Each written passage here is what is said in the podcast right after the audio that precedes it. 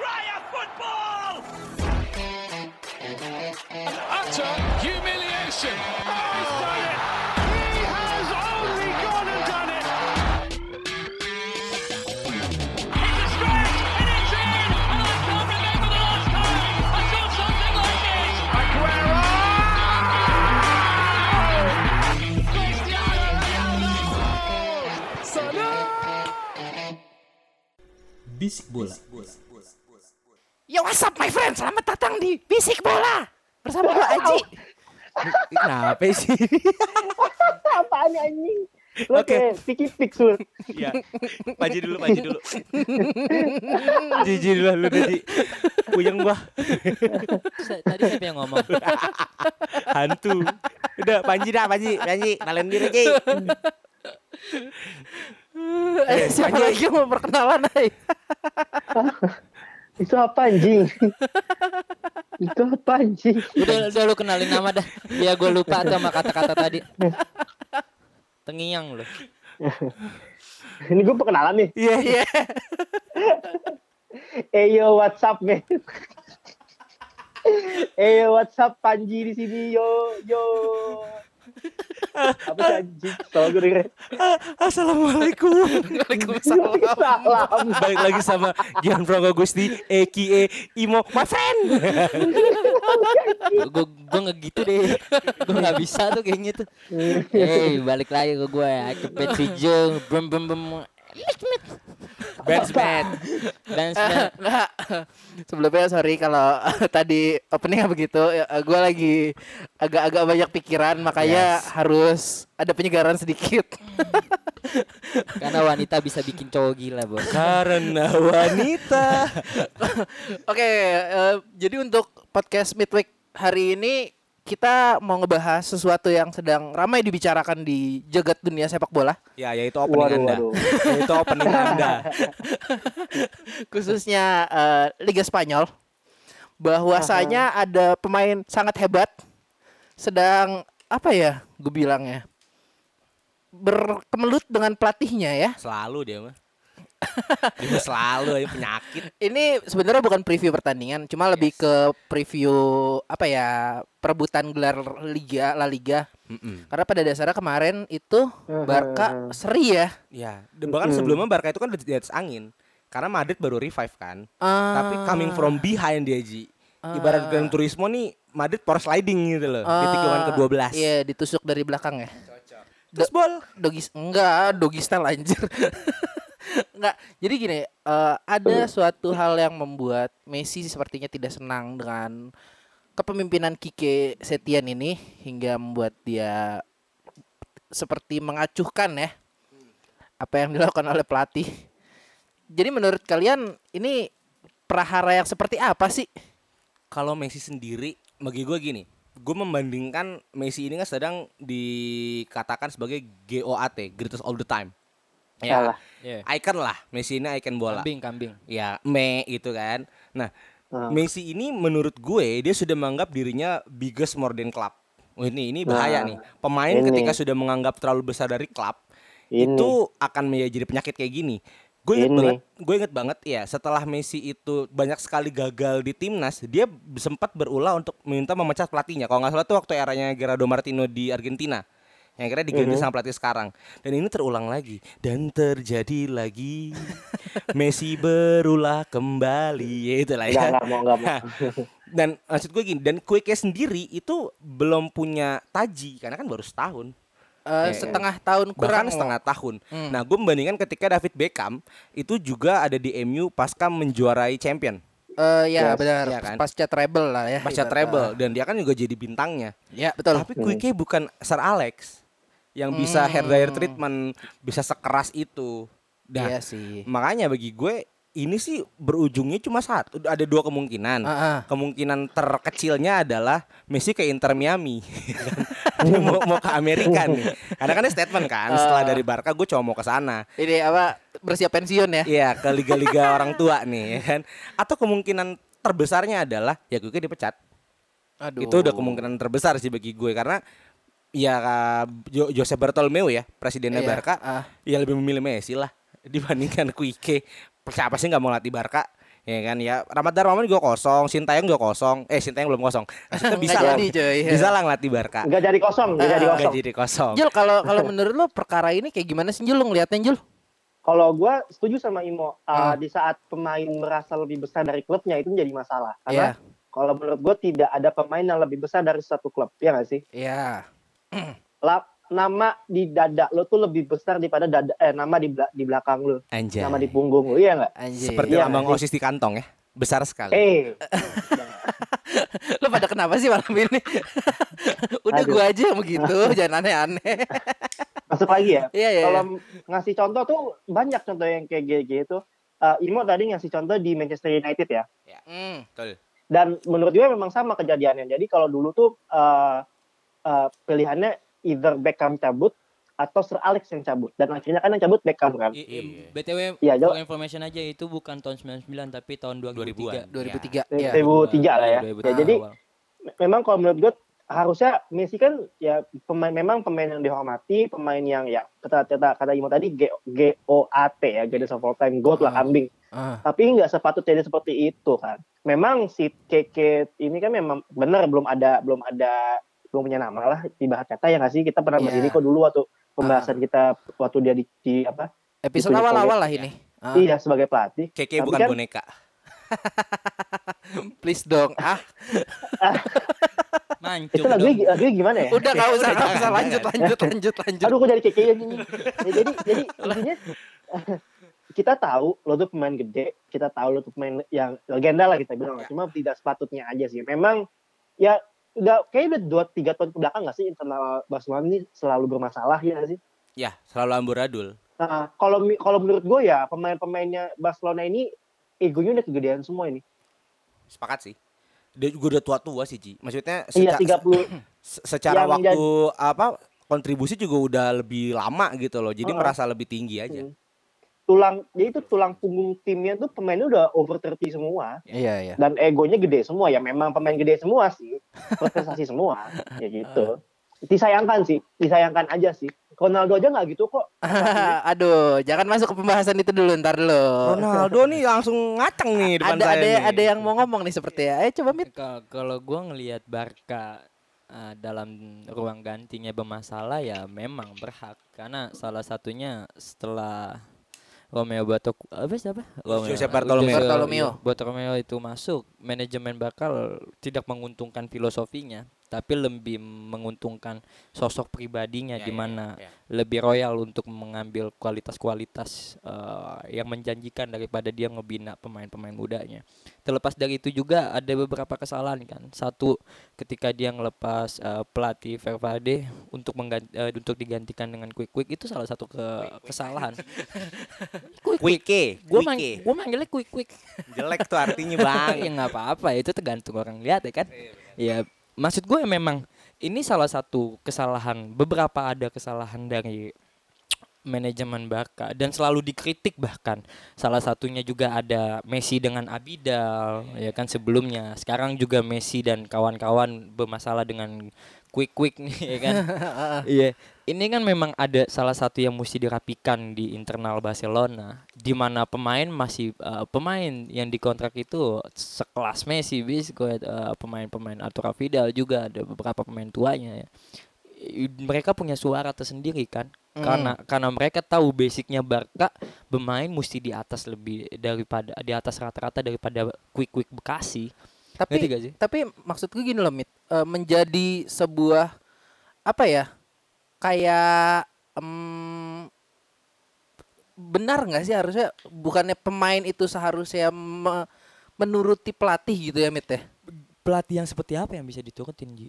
itu kan dasarnya ada yang bisa diperhati pelatih ada jiwa pemimpinan yang bikin eh, contohnya Zidane, Lampard, Arteta atau beberapa pelatih lagi yang punya karisma Pep Guardiola Ah. yang punya karisma yang bikin lu diem karena apa se- eh, secara eh, em, secara emonis, em- emosional, secara kepemimpinan, secara Ah. formula memang itu dia benar di zona yang benar. Nah, Quick Ah, Quick ah. ini kan datang da- sebagai pelatih yang entah dari mana yang Hmm. selalu memberikan yang terbaik pun ada di Liga Betis kan Iya. dan itu nggak terlalu bagus juga karena dia akhirnya dipecat kan bagi gue Ah.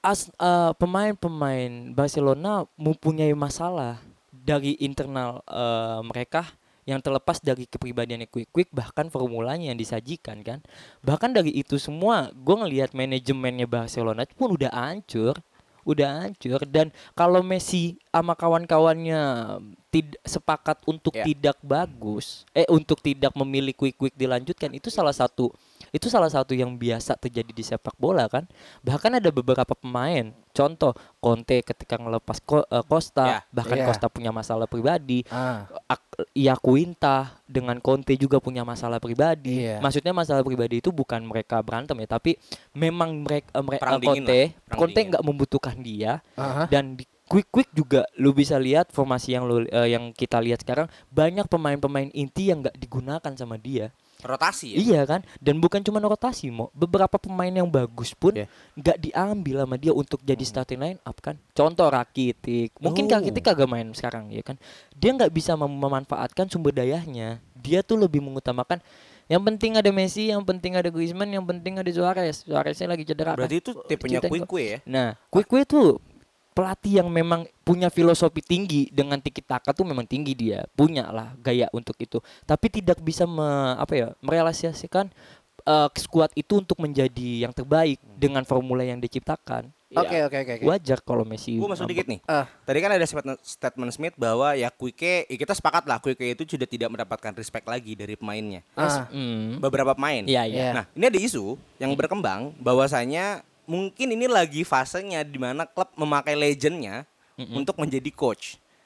Karena Savi ya kabar ini tadi dari beberapa sumber berita ya dari Gol, dari eh, La Repubblica segala macam mengatakan bahwa Savi siap siap memang mengambil tampuk kepelatihan Barcelona. Loh, bukannya pas musim dingin kemarin dia bilangnya belum ya? Nah, Belum. Ya oke ini karena Safi kan gak musim dingin baru pensiun Oh. dan baru iya, iya, melatih iya, iya, klub iya. di eh ya pokoknya berapa ba- tahun udah dua ba- tahun mau eh, baru sorry baru pensiun dari klub barunya iya dan dia tahun. sekarang melatih klub Qatar ya. Mm-mm. Nah Iya. ini ini bisa menjadi menurut gue ketika memang eh, Barca need respect bagi gue pelatih Barca itu lu kayak taktik oke tapi kayaknya butuh respect nih Iya. karena dari Benar, beberapa benar, beberapa benar, pelatih benar. terakhir Valverde siapakah dia sebelum Barcelona Iya. Let's say Valencia that's good Bi- bisa. Ah. Ah. Quique yang hanya ketika menjadi pelatih Barca backgroundnya adalah dia bisa me- lebih tiki taka dibandingkan Barca ketika megang Real Betis. Hmm, Dan iya. sekarang Iya Savi, Savi kita tahu juga ahlinya tiki taka juga kan. Iya. Iya. Kenyang lah sama tiki taka dan siap untuk melatih Barca. Ini bisa jadi opsi sih. itu poinnya poin Iya. yang gue pengen tapi lanjutin tapi ada tar lu Mat, ada satu prahara lagi bahwa dasarnya Praharanya. iya eh, kejadian ini itu juga melibatkan asisten pelatihnya si Kike. iya Siapa sih namanya? Gue lupa. Tahu lagi Mungkin- Samgong, Samgong. Ah, sama anjing kiu Kan kiu sama Samgong. Sebut saja Samgong. Ya sebut saja si apa asisten pelatihnya ini karena pada apa beritanya itu yang dicuekin itu kan sebenarnya si asisten pelatihnya dan di situ si Kike itu tidak eh, apa ya tidak bertindak untuk menegur pemainnya gitu loh Iya. Karena gini, eh, kalau bagi gua sekelas quick quick quick quick ya gua manggilnya. Quick quick iya. nih dia eh, pema- eh, pelatih yang mencari aman sih dari sikapnya. Hmm. Dia nggak bisa ngambil begitu aja sikap untuk eh, menegur beberapa bintang di Barcelona kan karena dia tahu baru beberapa bulan pak bahkan untuk sekelas quick aja di Barcelona seenggaknya dia udah dapetin sesuatu hal prestasi banget dalam hidupnya tanpa ada gelar pun dia udah prestasi kan Melatih Iya. Barca. Iya, ya Iya. kan? Dengan dengan dengan dia menegur beberapa pemain tim intinya apalagi nggak mungkin sih. Tapi terlepas dari itu semua gue lihat memang Savi benar kata Imo Savi akan akan masuk untuk menggantikan Quick Quick. Mungkin di akhir musim ini Ah. karena memang terlalu banyak masalah plus juga manajemen Barcelona di ketika dikendalikan oleh siapa emang? Buat Bartomeu. Iya buat Romeo. Ini memang ada ada konflik-konflik yang tersendiri kan? oke oke Nggak lepas. oke tapi kalau kita ngomong itu kan dari personalnya ya Iya. Tapi kalau kita ngomong sebuah profesionalitas di sini itu kan bukan hal yang baik dilakukan kepada eh, pelatih. Karena pada dasarnya kan eh, pelatih itu yang menanggung jawab si pemain-pemain ini kepada klubnya. Gitu loh. Jelas. Gini, kalau lu bilang masalahnya ke pelatihnya, mereka mestinya profesional, ya mereka profesional, tapi yang mesti yang profesional ke arah mana gitu. Kalau ke arah yang lebih baik, membuat Barcelona jauh lebih baik, nggak ada masalah-masalah konflik yang terjadi, bahkan dari manajemen pun udah ma- punya masalah kan. Ah. Itu itu bisa di bisa gua oke lah bisa gua iyahin omongan lu. Tapi bagi gua Messi dan kawan-kawan tahu kalau Quique terus dipertahanin, Barcelona ya memang punya filosofi tapi tidak akan bisa dapat gelar apa pun. Oh, Betul. Oke, gue setuju sama lo untuk itu. Iya. Tapi yang gue nggak setuju adalah caranya Messi menyuarakan ketidaksepakatannya Nah, di sini. gini. Gue masuk dikit. Gue membandingkan ini kejadian ketika AFF 2000 AFC atau AFF 2007 ketika Arthur Riddle pertama kali melatih timnas. Ah, Dia mencadangkan Bambang Pamungkas. ya, Digantikan oleh Irfan Bahdim. ya. Nah, di situ di buku biografi BP, BP itu sempat bete bahwa Ah. gue ini icon. Timnas is BP. Timnas is BP, Timnas is BP. Tapi di situ terlihat bagaimana Asfer Hidel bisa mengkomunikasikan dari secara strategi, dari secara kenapa lo dicadangkan dan buat gue Quick itu cuma butuh itu bahwa bisa membuat sebuah komunikasi sama Messi. Bahwasanya lu nggak pantas, lu nggak pantas. Bahwasanya pelatih itu kan bukan hanya tentang taktik, tapi juga bagaimana bisa caring ke anak didiknya, bisa mengontrol emosi dan tetap menunjukkan bahwa oke Messi lo legend, tapi di sini kan gue yang bertanggung jawab atas lo semua. Gue cuma butuh itu. Messi ngerti lah. Gini gini. Ya, itu Dan loh satu lagi gue. sih, eh, media terlalu banyak menyelip eh, menyiarkan berita tentang Ronaldo dan Messi yang bisa mengatur sebuah formasi bahkan apa pun itu. Dan kalau gua ngomongin pada sejarahnya pun track recordnya dia punya masalah juga kan yang dibisa-bisakan oleh media Iya, sama Valverde. iya, iya. Tapi ketika Valverde cabut. Valverde dan Messi sendiri yang bilang dia nggak punya masalah. Oke. Bahkan salah satunya Messi sendiri yang mau pertahanin Valverde. Ini ini tentang media yang memang meliput Messi dan Ronaldo di atas sampai dia punya uh, kehendak-kehendak yang mesti diturutin dalam klub itu. Menurut gua enggak sih. Ya mungkin ada bisikan-bisikan tapi tidak menuntut. Gitu. Kalau menurut lu gimana Jul? Ada tambahan lagi nggak Jul? ada jadi gini memang eh, ini kalau gue bacanya udah udah udah situasi nggak bagus ini jadi gini Oke. eh, betul betul memang pemain memang harus me- merespek manajer ya Ya, cuma betul. sam- sam- bisa sampai mana sih pemain bisa respect sama manajer di saat manajernya udah nggak bisa pegang dressing roomnya lagi banyak kok contohnya ada pemain-pemain yang akhirnya ya manajer jelek segala macam Ya. nah lalu sekarang kan kita kalau kita bisa tarik lagi kan ini sebenarnya kan domino efek aja sebenarnya Oh, efek ya ya ya ya ya. domino efek dari eh, penunjukan pelatih yang tidak kompeten sebenarnya. Bukan bukan tidak kompeten ya. Mungkin fame. tidak sesuai tidak sesuai dengan standar FC Barcelona.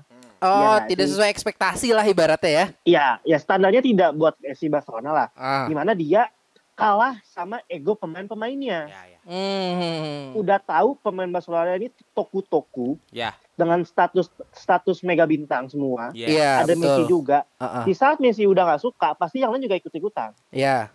gitu loh. Jadi memang dua-duanya udah, udah udah salah ini Pe- penunjukan pelatihnya udah nggak udah nggak bagus, lalu pelatihnya juga udah nggak bisa megang kontrol dressing roomnya, nggak Ah. punya nggak punya kaliber untuk hey gue ini pelatihnya loh, kalian tuh pemain gua, lo tuh Yes, ikuti yes. kata-kata gua. Dia nggak punya eh, tidak punya kaliber seperti itu. Jangan samakan dia dengan Zidane, Ya. jangan Oh, samakan iya, dia iya. dengan Chelsea di Lampard, jangan samakan dia dengan Klopp di Liverpool. Mereka semua ini punya Bisa. pegangan punya pegangan di dressing roomnya. Bagus Gitu ya bridgingnya. Ada built-in built-in. Benar. Bagus, gue suka. tetapi tetapi tidak semuanya salah Keke juga karena pemainnya pun menunjukkan ketidaksukaannya dengan cara yang tidak benar. Iya.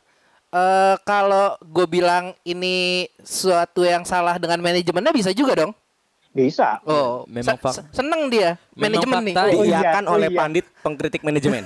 Oh, iya benar benar benar benar, gue suka. Ya, lagi. gue. Manajemen dong. Karena Coba- nih kenapa? ya, sedikit. Eh, ini yang gue lihat ya. Manajemen Barca ini menguntungkan beberapa toko utama doang. Gimana? Beberapa musim lagi akan ada eh, ini ya eh, pemilu lah bisa dibilang yang bisa ya kan untuk menaikkan Pemilu menjadi presiden Barca ya? Ah. Salah satu eh, kandidatnya itu adalah Victor Font. Dia bilang dia bilang kayak gini ya.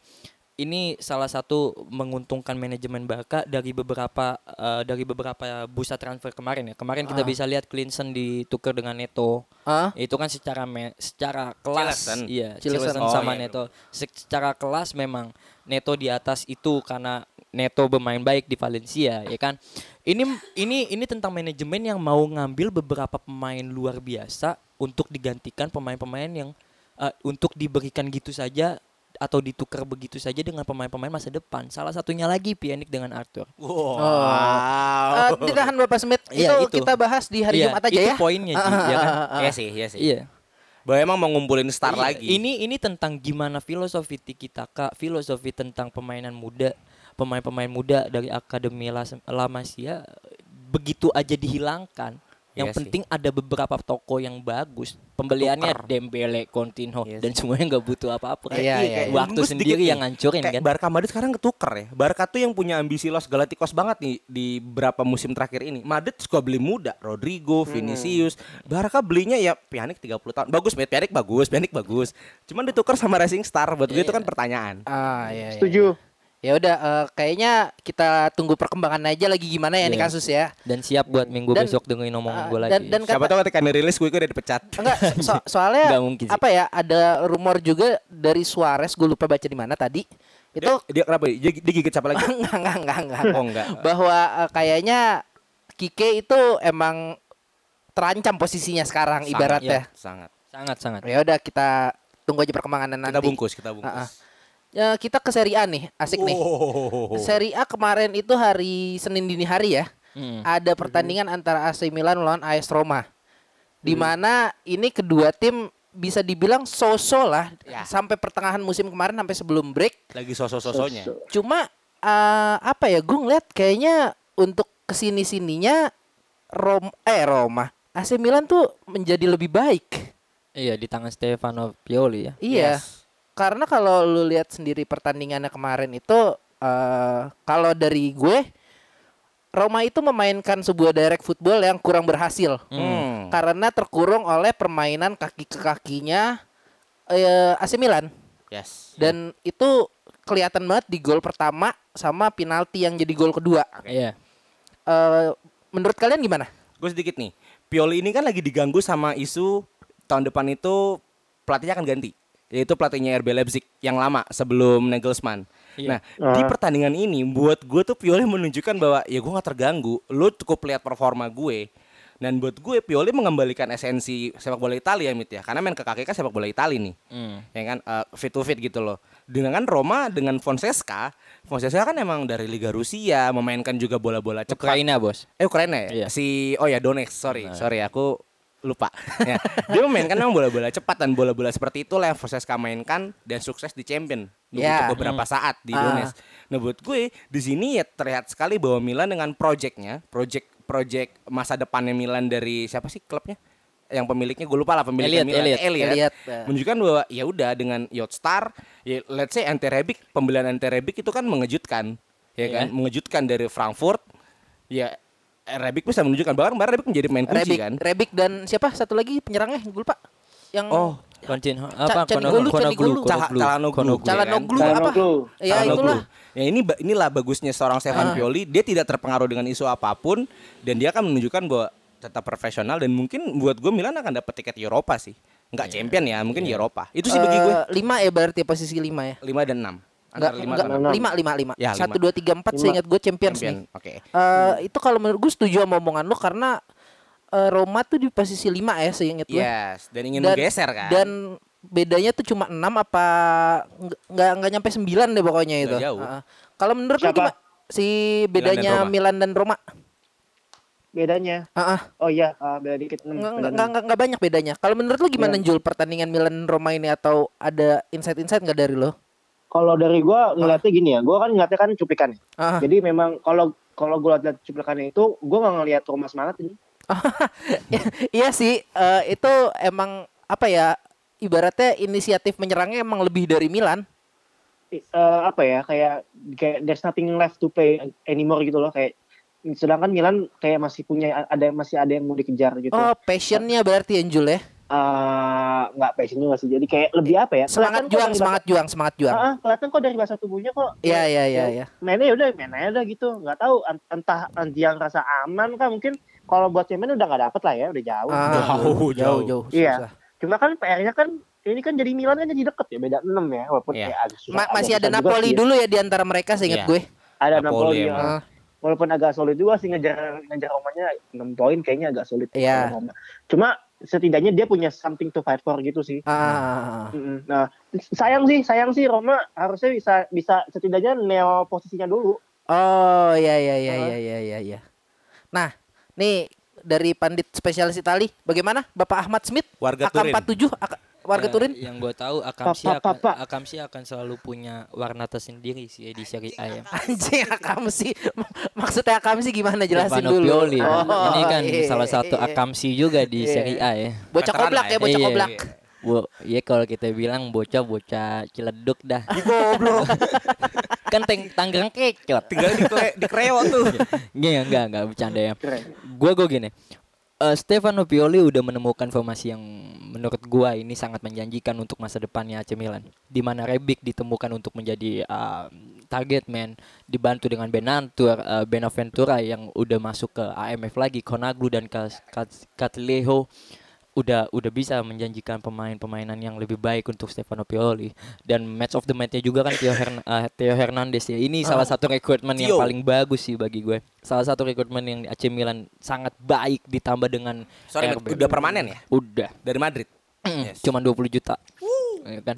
Abis itu di, di diselamati juga Nyetel, RB, woy, R-. RB yang Conti ya salah satu aka ya sempat jadi youngstar lah di di Italia. Mat, tapi Mat, gue kira ditinggal Piatek apa hancur lu ta- tahun nah, ini? ini ini yang gue Soalnya ini kita kita pernah bahas ini kan? Iya, ini Ah, salah satu yang poin paling baiknya banget AC Milan melepas Piatek ah, mencadangkan Ibrahimovic untuk Ah, ah. dimasukkannya Rebic. ah. Karena kita lihat beberapa pertandingan sebelumnya Rebic pun menciptakan gol dan menjadi salah satu tumpuan AC Milan untuk men- menciptakan skor ya. Rebic ini kan winger ya? Iya, tapi dimanfaatkan untuk Hmm. jadi CF. Mo. Wow. It- ini ini salah satu kecerdikan Stefano Pioli di mana dia udah bisa lah ya, ya, di mana dia udah bisa memberi ke- penyeimbangan di Ante. lini tengah dan dia bisa memperkuat lagi barisan pertahanannya kan.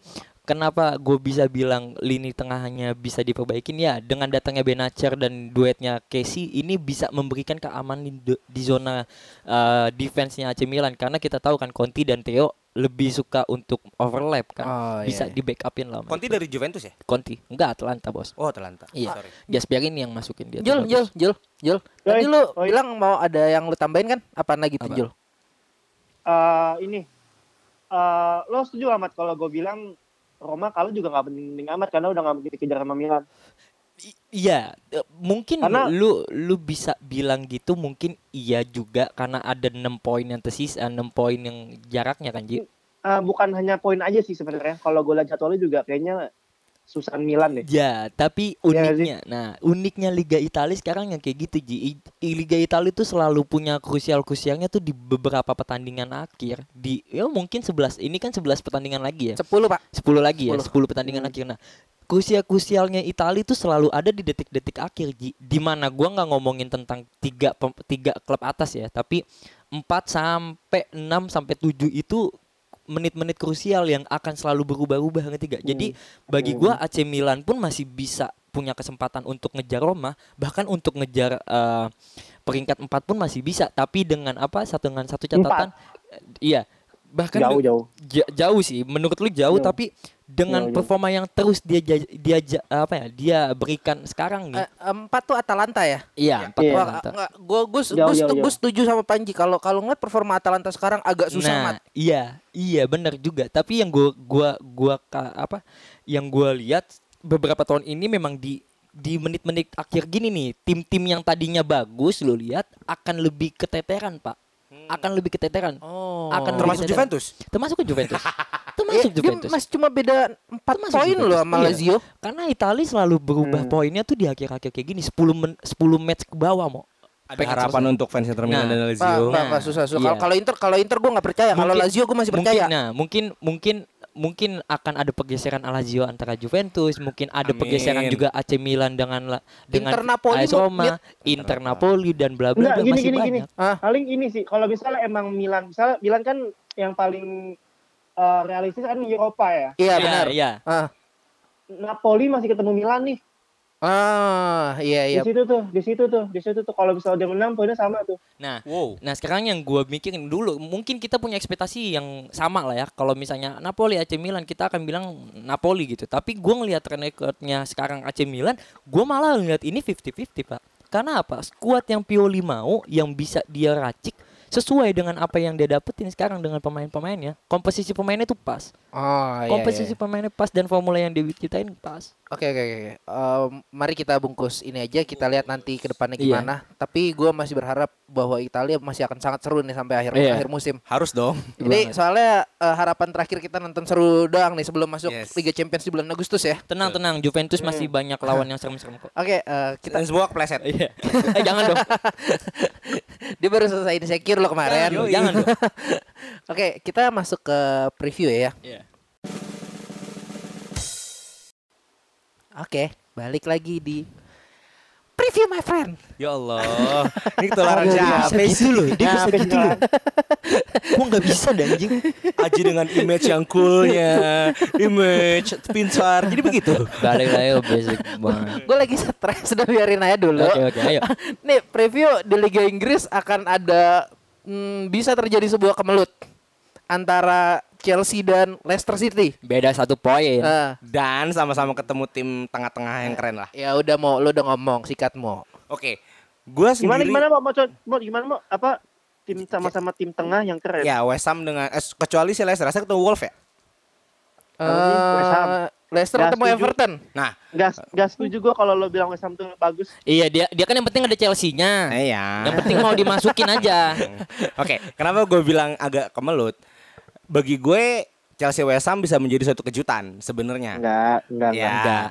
Kan tapi memang di atas kertas Chelsea lagi on the track banget nih, habis ngebabat Waduh. City kan. Ah, Oh, kamu Anda yang senang nih. Nah, tapi bagi gue eh, ya mungkin West Ham tidak dapat dihitung sebagai tim yang membahayakan, tapi just like Premier League banyak kejutan terjadi. Yang sangat yang sangat saya harapkan adalah terjadinya kejutan di Leicester dan Everton. Kita tahu sendiri, Everton berhasil menahan imbang sang juara. Tidak juara bertahan, tidak calon juara, tapi sang juara yaitu Liverpool. Pada waktu itu dengan uh anjing ketawa senang banget nih. Ya kan dengan permainan apik dari Carlo Ancelotti itu sendiri. Nah, bagi gue nanti akan ada eh, kesempatan bagi Frank Lampard untuk masuk peringkat tiga. Tapi gue nggak mau jumawa bahwa ya walaupun West Ham eh, dikecil-kecilkan oleh dua atau tiga pandit lainnya, tapi gue masih melihat adanya sedikit kesempatan West Ham untuk membuat kejutan. Nah, tapi pun ya kemungkinan kemungkinan terbaiknya menurut gue adalah Leicester dan eh, Leicester kalah dengan Everton karena Rodgers sendiri rekornya lingga bagus nih singkat gue tuh dari 15 match away itu belum pernah menang. Ya apa yang lu omongin gue juga setuju. kok. Seri seri seri kalah kalah kalah kalah kalah. Ya intinya Chelsea naik lah ya. Belum juga, belum juga. Ya kan intinya ini. Tapi kemungkinan terbaiknya adalah Chelsea akan naik peringkat 3 dan bertahan dan jadi Frank Lampard nggak jelek-jelek amat. Ya sekarang bayangkan aja dengan tanpa beli pemain, tanpa beli siapa-siapa peringkat 3. Itu mulu itu Empat mulu gue episode, bosan. empat episode Itu mulu gua begini nih ngomongnya nih. ya maaf jadi tim kaya. Tapi itu yang gue harapkan bahwa nanti Lampard bermain dengan formasi apik eh, dan Leicester kalah atau seri. Itu yang gue harapkan. Eh, warga Merseyside, Yoi, gimana pendapat lu tentang pembelaannya tadi? jadi gini, kalau berarti kan Chelsea, Chelsea lawan West Ham, Leicester lawan Everton ya. Iya. Disclaimer dulu dari top top 7 lah gue bilang. Top, Ya. top half deh, top jangan deh, top top 7 Top lah half ya. aja, top half aja nggak apa-apa. Top half aja ya. Ah. Top half itu di luar Liverpool City yang form yang paling bagus itu Chelsea kalau menurut gue. Iya, Terima kasih. gue setuju kalau itu. Ini statement karena dibantu juara kayaknya. Oh enggak, enggak, enggak, enggak lah, enggak. Ini benar. gua- anjing. Enggak. Tapi memang kenyataannya seperti itu. Lo lihat aja yang mana sih gini Chelsea, Leicester bulan Februari itu poinnya agak jauh loh, Bro. Iya, betul. sekarang poinnya 15-1. Memang double Leicester digit ya di Januari ya? Iya, double digit. double digit. Agak jauh aja Agak jauh ya Intinya- pokoknya. Intinya itu dulu tuh di- dia bilangnya Leicester udah pasti dapet champion dulu ngomong statementnya. Uh. Karena kan sempat karena kan sempat peringkat dua juga, Cok. Iya, iya, iya, iya, iya. Iya Benar, kan? benar, benar, benar. Juga. nyalip City. sempat naik dan turun di bulan di di di ero Maret Maret awal tuh sebelum break tuh dia turun banget performanya. Nah, kalau dari gua Chelsea tuh feeling gua nih ya dapat posisi tiga sih dapat. Amin. Nah, jadi kalau ngomong Chelsea West Ham udah lo nggak usah nggak usah ngebahas West Ham West Ham itu udah pasti deh. eh, si anjing. itu Derby cuy, West- Derby West London Enggak. cuy. nggak ngaruh West Ham tuh kalau feeling gua ya. Ya gue sih maunya degradasi sih maunya. Eh, ini yang waktu gue tahu nih dia nyambunginnya ke mana nih waktu kasus baru-baru COVID-19 keluar eh, yang punya West Ham maunya Liga Inggris nol nih soalnya. Nah itu. Tuh kan. Sentimen. Lu sentimen Ji. Enggak, tapi emang tapi emang melihat performanya lo tau gak sih West Ham tuh terakhir menang kapan? Kalau Jauh. ah, Aduh. bulan Desember paling atau November kayaknya. Terakhir menang di bulan Februari, 29 Oh, Februari. enggak sejauh itu ya. Nah. Sorry, sorry, sorry. Lawan Soton. Nah, lawan Southampton saya tuh udah gak pernah menang lagi lah. Arsenalnya kalah bro. Ya, Iya. 1-0. Nah, jadi emang mereka tuh David Moyes kan pelatihnya? Eh, West Ham ya, Moyes? Ya ya udah udah. Eh, di Chosen One loh. Enggak. Di Jadi One. memang gak usah gak usah gak usah ngebahas Chelsea West Ham karena paling gua pasti Chelsea yang menang. Nah, kemudian untuk Leicester City, Leicester dan Everton. Nah, ini sebenarnya Everton punya eh, apa namanya? Benar kata Imo tadi, Everton punya eh, apa Kans namanya? yang lebih bibit- tinggi. Iya, karena melihat trennya yang na- lebih naik lebih bagus, trennya naik Heeh. dan dan dan dan Jamie Vardy kan eh, belum buat gol lagi ya sih setelah restart ini. Iya Ya, betul. Betul. Mela- melawan backline Everton yang solid. Backline yang Ancelotti nih bro, susah nih Iya. ditembusnya. Gue setuju. Heeh. tapi kalau gue melihat Everton menang, gue juga nggak bisa ngeliat Everton menang sih. Mainnya di mana sih? Eh, Leicester. Main Leicester ya. Hmm. Kalau feeling gue uh, uh, Sorry, kemungkinan mainnya di Goodison Park. Oh, Ini di main Goodison. Everton. oke. Kalau Everton menang, Everton menangnya tipis. Mhm. Leicester menang kayak susah sih. Apalagi Amin, Rodgers amin. ke apalagi Rodgers uh, uh, uh, rekornya di Goodison gak bagus. Oh, oke oke oke oke. Paling paham tentang Rogers nih. Mat, Ah, gimana Mat kalau menurut lu Mat? Gue pendapat dengan Aji tapi gue senengin Imo aja lah untuk Chelsea dimasukin aja. karena bagi gue ini nggak ada yang mesti diomongin sih karena udah jelas di atas kertas bahkan pertandingan belum main pun kita udah berani Mat, untuk ini Chelsea kita ngomong juara di kan. atas kertas ngomong juara kemarin kagak menang Mat yang kita omongin di atas kertas Mat. iya Itulah sih. Lampard, Bro. Itulah Lampard, Bro. iya sih cuman cuman balik lagi untuk untuk fase-fase Chelsea ini lagi bagus-bagusnya dengan tiga Taruh, pertandingan taruh. ini ya. Tapi kalau kita ngomongin Chelsea menang di atas kertas berarti dia kalah ya besok. Jangan dong. Jangan dong. Makanya gue gak mau jumawa. iya, beberapa dengan dengan datangnya Covid dan memulainya lagi IPL kan kita bisa lihat Chelsea selalu menang kan. Aston Villa bahkan di Leicester juga sempat dikalahin kan FA terakhir. Ini 1-0. iya Iya. dengan City. Bagi gua di pertandingan keempat ini dimulainya lagi liga mininya ini lagi Chelsea akan juara eh Chelsea akan menang sih di atas eh, West Ham udah pasti dengan angka di atas dua gue yakin. Buset. iya. Tapi gue nyenengin Imo aja karena itu bagi gue Nggak kira-kira it- itu pertandingan yang gak mesti dibahas. Senengin lu aja mau. Gue lebih ke Leicester dan Everton sih, di mana ini menjadi Eh. polemik tersendiri ini, di mana Ce- Leicester mesti mempertahankan posisinya dia untuk dapat tiga angka, bahkan Everton pun mesti memberikan yang terbaik juga di depan uh, di depan fansnya kan, terlepas nggak ada penontonnya. Ah, Roger dengan dengan beberapa track record ini jelek menjadi keuntungan tersendiri di Angelotti yang bisa menahan sang juara kan Iya. ini kan menjadi sebuah mental eh, menciptakan mental sendiri untuk pemain bahkan pelatih bahkan manajer juga dari Everton kan. Ya, Gue betul. ngeliat Everton bakal menang sih di sini. Gue ngeliat Everton akan menang karena apa? Track recordnya lagi bagus pak. Everton Hmm. lagi bagus, lagi naik. Plus lawan banget Leicester yang turun. Tapi kalau Leicester bisa memberikan formula jitu setelah dia kalah lawan Leicester eh, lawan Chelsea 1-0 Ah, ah.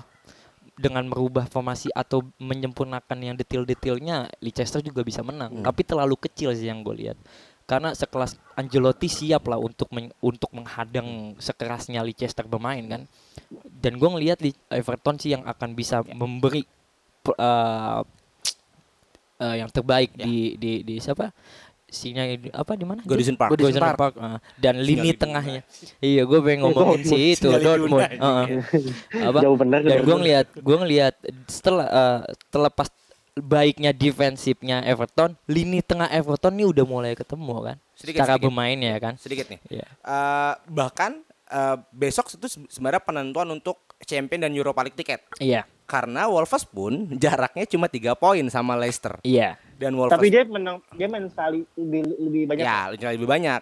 Nah, bagi gue ini karena sebenarnya Wolves pun ke depannya akan bertemu dengan jadwal yang sulit. Iya. Nggak sedang sulit sih Arsenal pula. Ya udahlah ya. Nggak, jangan dianggap itu Jangan dianggap. Arsenal lagi sosok lah. Nah, sedangkan dibandingkan dengan form Arsenal ke 10 ini. Makanya Arteta emang gimana ini? Kita lanjut ya. Nah, Arteta, anjing. 5 match terakhir Wolves itu sedang dalam good form bagi gue iya dan sangat bisa merebut tiket champion Dan Nah, kan bisa membuat Nuno Espirito Santo have a champion dreams. Ya, Oh, terus iya, iya. ya dulu champion dreams dulu. Nah, bagi gue itu besok penentuan nih siapa yang akan menjadi eh, penentu karena Chelsea kan ketemu Wolves nih. Hmm. Kalau besok Chelsea masih kalah ya semoga enggak tapi takutnya kalah. Penentuan tiket itu ada di Chelsea dan Wolves. Tapi kalau besok Chelsea take over, take over Leicester dan itu akan jadi penentuan siapa yang akan bertanding lawan Wolves. Bagi gue juga besok tuh bener lebih seru dibandingkan total race Liga Inggris karena udah dapat liga kan. Iya, balik lagi gue ngomongin Untungnya adalah kan. di Champions tiketnya. Balik lagi gue ngomongin kan Leicester itu punya beban tersendiri ketika Iya. dia mesti meraih tiga poin tapi sulit untuk dia datang ke Everton. Iya, living up the expectation ke- menurut gua kalau uh, Leicester yang sekarang ya. Karena ya bagus dia bisa mempertahankan apa setelah dia menang tetap di atas. Ya harapannya pasti tinggi untuk musim-musim selanjutnya. Iya, tapi yang paling penting kan doa senjata yang ampuh. Jadinya eh, Chelsea maupun Wolverhampton kan pasti berdoa nih, Pak. Jadinya di, di Chelsea yang akan Iya, kalah. iya, iya, Tenang, iya. Chelsea brother muslimnya banyak. Iya. Lagi lu puasa mulu. Ya, kenapa Jul? Sama dikit ingat posisi duanya Inggris itu kemungkinan gak main champion. Iya. Oh. Berkali-kali kita bilang gitu bahwa posisi duanya kemungkinan besar tidak akan main Kita champion. nggak ngomongin si Arab itu kunyuk ya. Kita lagi Oh, ngomonginnya sentimen bangsa sendiri. ki- nih. kita ngomonginnya Eh, tapi- tentang oh, ini- tentang di mana ranking yang akan selalu menjadi sejarah kan. Iya. Tahun ini akan akan sejarah untuk Iya. masa depan kan itu Ji, maksud gua. Kenapa Jul tadi Jul? Enggak, ini ngomongin Chelsea, kemarin gue mikir ya, Ah. Chelsea musim, dep- musim depan serem sih. Iya. Jelas. Cuma ntar Eva juga. juga kalah. Ada laba, Ya. Bos. Jangan. Ketemu FA, iya sih. Itu penyakit sih. Kalau mau hindi kita itu penyakitnya kita lampat itu ada di oleh. 4-0, cu. Tapi tenang. Kenapa Mat? Tapi tenang, gua ngelihat eh, Chelsea akan selalu punya warna sendiri sampai akhirnya musim ini. Iya. Gua lihat itu. Oke oke oke. Dan jangan lupa ikutin Chelsea musim depan karena sponsornya keren. Apaan? Tri. Tri, Enggak jangan jangan manggil gitu. Tiga aja udah. Biar orang kampung. Tiga. Oke oke. Eh, kayaknya eh, title race untuk eh title race, position race Yes. untuk ketiga cukup ya. Seru seru. Nih gue mau eh, ke apa ya? Ke match preview selanjutnya nih. Wow. Ada City bertemu dengan Liverpool. Hmm. Gue sih berharap ya dari podcast midweek minggu kemarin kan gue bilang gue berharapnya Liverpool juaranya di sini nih. Yes. Karena pasti mainnya akan lebih greget kalau menurut gue. Kacau. Hmm. Tapi kenyataan berkata lain eh, Chelsea memberikan gelar juara kepada Liverpool. Tiga kali lampar cu ngasih piala orang tiga kali. ya makanya kan Jum- Chelsea. Jumat kemarin gue bikin kayak gitu covernya. Kacau. Nah, menurut kita tanya ini dulu ya, eh, warga, Warga Scouse Scouse. dulu ya. Iya, gue pengen tahu dari Nah. lu nih. Kira-kira gimana nih besok Jul? paling seri. gitu doang lagi ya. Gue nggak setuju dengan itu. Pengennya pengennya menang. Eh. Ya paling seri sih karena kan emang agak sulit ya lawan City ya di di Gampang, mana? gampang, gampang, gampang, gampang. Eh, Masih gampang. Oh iya lu menang di Etihad ya kemarin ya? Anjir gue lupa. Kemarin sama Bridge, sama Bridge, sama Bridge. Bukan sama di Etihad. Stamford Bridge, Oh, Stamford Bridge, sorry. Eh, Tapi City gampang lah. Ya. Nonton aja video Chelsea kemarin. Ya belum tentu. Apa ada tambahan lagi nggak Jul? Lu kalau enggak Ya, gue gue masuk nih, Ji. Jujur ya, gue paling nungguin ini aja sih, nungguin apa namanya guard of honor Iya aja. anjir. ya nggak sih? Gila, Sayang gua- sekali penonton. Guardiola ngasih Kalau gue malah Untung gini. untung udah nggak lawan United lagi udah. Nah, ini kalau kalau gua malah di sini titik di mana adu gengsi sejati yang dipamerkan sih dari dua klub. Oh. Karena City nggak mau kalah begitu aja dengan eh, dengan Liverpool. Oke, Liverpool punya juara tapi setidaknya ketika ketemu Liverpool dia bisa memberikan yang baik kan. Hmm. Dan begitu pula Liverpool bener-bener pengen dianggap yang terbaik dengan ngalahin City. Ya, Iya kan? Gue gue setuju nih Nah, sama Smith yang karena di tahun gue. Eh, jangan disetujuin udah pasti benar. Anjing keluar lagi tuh Karena gini bagi gua City kita tahu eh, ada ada dilema di mana eh, back-backnya ini yang menjadi masalah Iya, untuk dia nggak bisa lebih lanjut. Cala colo beke Nah, tahun iya ini kan? ya, bener. Dengan itu City pengen ngasih tahu ke Liverpool, oke lu juara tapi di match ini kita lihat siapa yang paling baik. Jangan lupa Mit, Fernandinho absen. Nah, nggak masalah Fernandinho. Kartu merah. Nggak masalah Fernandinho. Oh iya yang ini ya. ini tentang pelatih dua pelatih jenius yang akan bertarung, Mo. Oh, gengsi Dan pelatih ya, tentang Mit ya. gengsi, Ah. Liverpool pun pengen ngasih kayak gue juara bukan karena lu cedera ya, Anjay. tapi gue juara karena memang itu hak gue. Anjay. Karena, makanya itu- karena mereka bisa bermain bagus. Nah, makanya itu ini jadi ajang gengsi Dan Iya, iya, iya, lu iya. jangan lihat ini pertandingan seolah-olah Liverpool males, City males. Enggak, ini tentang gengsi. Yes. Dan lu wajib banget nonton ini. Ah. Karena dua orang jenius akan beradu taktik. Nah, Lu nggak ngerti eh. lah, Mo. ya oke oke. Nah, yang gue mau pertanyakan sebenarnya adalah Liverpool tuh mau ngejar apa lagi? Champion udah udah tersisi kan, Ji? Eh, rekor sih paling. Rekor eh, cuma satu kekalahan kan? Enggak enggak. Oh, rekor satu kalian mah udah udah. Rekor ini kok rekor Poin. rekor poin poin kan kalau rekor pemen eh menang paling cepet kan udah Hmm. ya paling poin sih. Oh, ngejar rekor. Oh, berarti lo harus ngejar 108 City ya? Di 2000 kemarin. Eh, 2000. 108. Eh, City 100 berapa sih? 100 Satu satu. 101 kan berarti harus ngejar itu. Nah, cuman yang Eh satu satu nggak sih? ya pokoknya cepet ke atas lah setelah Iya, cepet ke atas. sekian lama rekor Chelsea Jose Mourinho 95 poin tidak terkalahkan ya kan. Setelah Hmm. sekian lama tuh. Nah, Balik lagi cuman situ anjing. yang gua akan pertanyakan Liverpool kan cuma ngejar rekor karena lo di FA Hmm. tidak bertanding. Iya. Di apa sih namanya Champions juga sekarang? udah Eh, EFL, enggak. EFL. EFL masih main gaji? Udah enggak semua, udah enggak. Nah, udah enggak kan? Nah, bis- bisa jadi bahwa kemungkinan besar Klopp akan memainkan pemain-pemain mudanya untuk waktu tambahan. Eh, menurut enggak gue, kalau iya. kalau lawan City kalau lawan City tetap lawan tim gede eh, lawan tetap tetap kuat Pasti tetap ngotot ya? kuat paling mm-mm. cuma Oke. penggantian di pergantian mungkin Nah, itu dia yang yang yang sangat gue takutkan kemungkinan besar sih menurut gue Liverpool kalah. Karena ya itu sendiri. Mungkin sema- semangat motivasi udah menurun. Ya lu udah bisa megang megang Anfield sign kan this is Anfield sign gitu loh. Itu udah juara dan gak ada yang dikejar. Bagi gue ya kemungkinan besar Klopp ingin memunculkan pemain-pemain mudanya bermain di rotasi permainannya. Dan di situlah kesempatan City untuk ambil kesempatan. Melihat permainan kemarin lawan Chelsea di mana City menurut gue salah taktik sih ngasih Bernardo jadi CF kemungkinan besar besok ih, itu salah taktik banget. Yang sebenarnya Iya, itu iya, taktik iya. yang gue inginkan di Chelsea emang untung aja ya kan? Nah, Pak. kemung- ah, kemungkinan besok Hmm, ya. City akan Kalau menang dengan formasi yang baik. Itu sih. kalau menurut kalau menurut gua kalau kalau naro pemain muda nyoba-nyoba pemain muda di ECR itu salah besar Hmm. nggak ada. Jangan sampai jangan sampai lo eh, kita udah juara tapi gua nggak mau kalah Ah, iya iya. Ya, berarti iya. Tentang kalau gengsi kan. tadi kalau tadi gua bilang gua bilang kan tadi paling seri tapi Ah. karena gua nggak tahu kemungkinannya seri tapi kalau nggak kalah nggak nggak ada nggak mungkin kalah eh bukan kemungkinan kalahnya tipis menurut gua tapi kalau kemungkinan serinya ada Oh, oke oke oke oke oke oke. oke. Jadi gimana nih kira-kira Bapak-bapak bursa-bursa perjudian? aku up Gue 50-50, Pak. Oh, lek-lekan ya? ini tentang gengsi. Lek-lekan. di bet tiga tetap juga di- lek-lekan Lek-lekan. Ya. Oke, ya udah apa kita tuh artinya tolong di- diterjemahkan eh Tidak ada sama pur. kuat sama kuat. Sama kuat. Jadi Ah, lu iya. nggak ada pur-puran. Ah, tidak ada advantage goal. skor Ibaratnya. berapapun akan dapat duit intinya Ya. Oke, mari kita rap City dan eh, apa Liverpool. Kita lihat bagaimana eh, kelanjutannya. Dan terakhir sebelum kita nutup nih ada ha- hal yang pengen gue bahas bahwa tahun depan di Liga Italia ada apa ya? Bisa dibilang pelatih yang kakak adek nih. family reunion Family reunion kalau kata. Bleacher ya. family Iya. terapi kalau nggak Jadi. mamtit seks bercanda Iya. eh family terapi gue tahu tuh Anjing.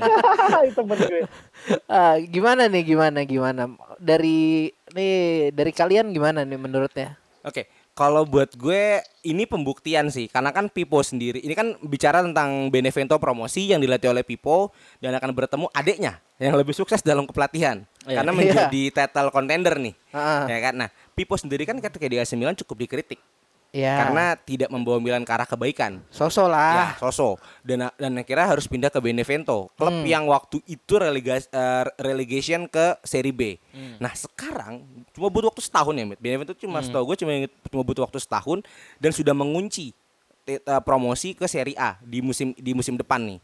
Nah bagi gue ini akan seru nih, gimana ngelihat kakak karena gue sendiri belum pernah merasakan kakak adek itu ketemu eh, dalam suatu match itu lucu kayak sih. Cuman ini juga bisa jadi pembuktiannya Pipo bahwa mungkin Benevento di musim depan agak menggigit. Gua belum lihat pemainnya sih. Cuman dari dari bagaimana Pipo mau membawa Benevento promosi itu bisa menjadi suatu pencapaian dan Pipo akan membuktikan kepada Milan bahwa I'm here untuk masuk ke Serie A lagi. Menurut gue seperti itu. Menurut lu gimana, Mit? Menurut gue kalau gue Ah, Oke Ji lu. lu Ji. kalau gue buat musim depan itu hanya sekedar reunian aja sih nggak Hmm. ada nggak ada age stake-nya nggak ada karena yang ditunggangi pun eh, kelasnya jauh beda jauh Betul, gitu betul. loh Lazio sama apa sama klubnya Ben Bonavento. Benevento. Benevento ya beda lah beda kelas beda apa paling cuma reunian aja gue nggak bisa ngelihat Pipo menang di sini Oh. untuk musim depan ya, untuk musim depan ya. Iya iya iya. Kita lihat dulu resultnya dia kayak gimana di Serie A. Panji ini agak dalam- sensitif sama pelatih bekas AC Milan ya. Kemarin Genaro, sekarang buktinya Pipo. ada- nggak ada yang benar gitu loh. Oke oke oke. Apa? Paling menang kemarin doang. Pipo di Milan gagal total ya nggak? Gini gini gini gini. Gue kritik dikit lu aja. ya. Anjing. Anjing. Lu punya karena Inggris, gue kental dengan Italia. gini, Hooligan lawan Tifosi. Gattuso, Inzaghi itu salah satu pelatih yang terbaik menurut gue yang menunggangi eh, AC Milan. Tapi salah salah dalam keadaan dan situasinya. Dia dipegang dengan Berlusconi yang bisa kita tahu lagi guncang-gancing banget kan dalam hal manajemennya. Ada beberapa isu. Di saat itu mereka masuk dan mau nggak mau mereka mesti secara instan in- instan untuk menaikkan AC Milan itu sulit, itu sulit. Dan kalau lu baca Inzaghi beberapa track recordnya di Bonaventura itu bagus. Itu bagus banget. Be- eh, Benevento. Bonaventura iya, main iya Milan. Bonaventura. Bonavento itu bagus dengan bikin sejarah sedikit mini sejarah di Serie B kan. Secara taktik Inzaghi bagus, tapi ya benar kata Panji, secara klub eh, untuk Lazio dan Bonaventura eh, apa? Benevento, Benevento, Benevento. itu jauh banget kelasnya, itu jauh banget kelasnya. Jadi bagi gua dengan datangnya Inzaghi ke Serie B dan mungkin akan kepleset lagi atau tidaknya ya itu menjadi sinyal yang baik kalau Inzaghi memang se- seorang taktikal yang lebih baik kan daripada AC Milan dan dia bisa belajar dari itu semua. Mungkin dia akan ditarik tim-tim mediocre di Serie A. Nah, di itu musim itu ini. yang mau gue bahas kemungkin, Mungkin. ada kemungkinan Ada juga kan kemungkinan. Inzaghi Karena akan dia- pindah. Karena dia bikin beberapa sejarah Ya. di di Serie B kan. Ya, Bisa sih. Bisa bisa bisa diambil Juve lah ya. jauh walaupun dia walaupun dia legenda gue tapi nggak gue gunain gue tetap dengan Pep nanti iya lah Oke oke oke oke. Kayaknya sampai sini aja ya. iya Mungkin kita mau kasih welcome dulu buat Miralem Pjanic dan Arthur. Oh, Selamat bertukar iya. pemain terbaik ya. Nah, kita tunggu di Jumat nanti. Tunggu di Jumat nanti ya pembahasannya. Ya udah eh, jangan lupa share podcast ini. Bantu-bantu kita beli alat Butuh duit. Butuh duit. dan jangan lupa follow sosial media kita di @musicmediaid Yes. karena kita butuh duit. Yes. Info-info Satu lagi, menarik. Kalau ada yang mau jualan di situ nggak apa-apa. Eh, Satu lagi, satu lagi. apaan satu lagi. Jul? Gifren mau comeback jangan lupa di stream ya. Hehehe. Enggak enggak penting. Udah, udah. Ya, dah. Assalamualaikum.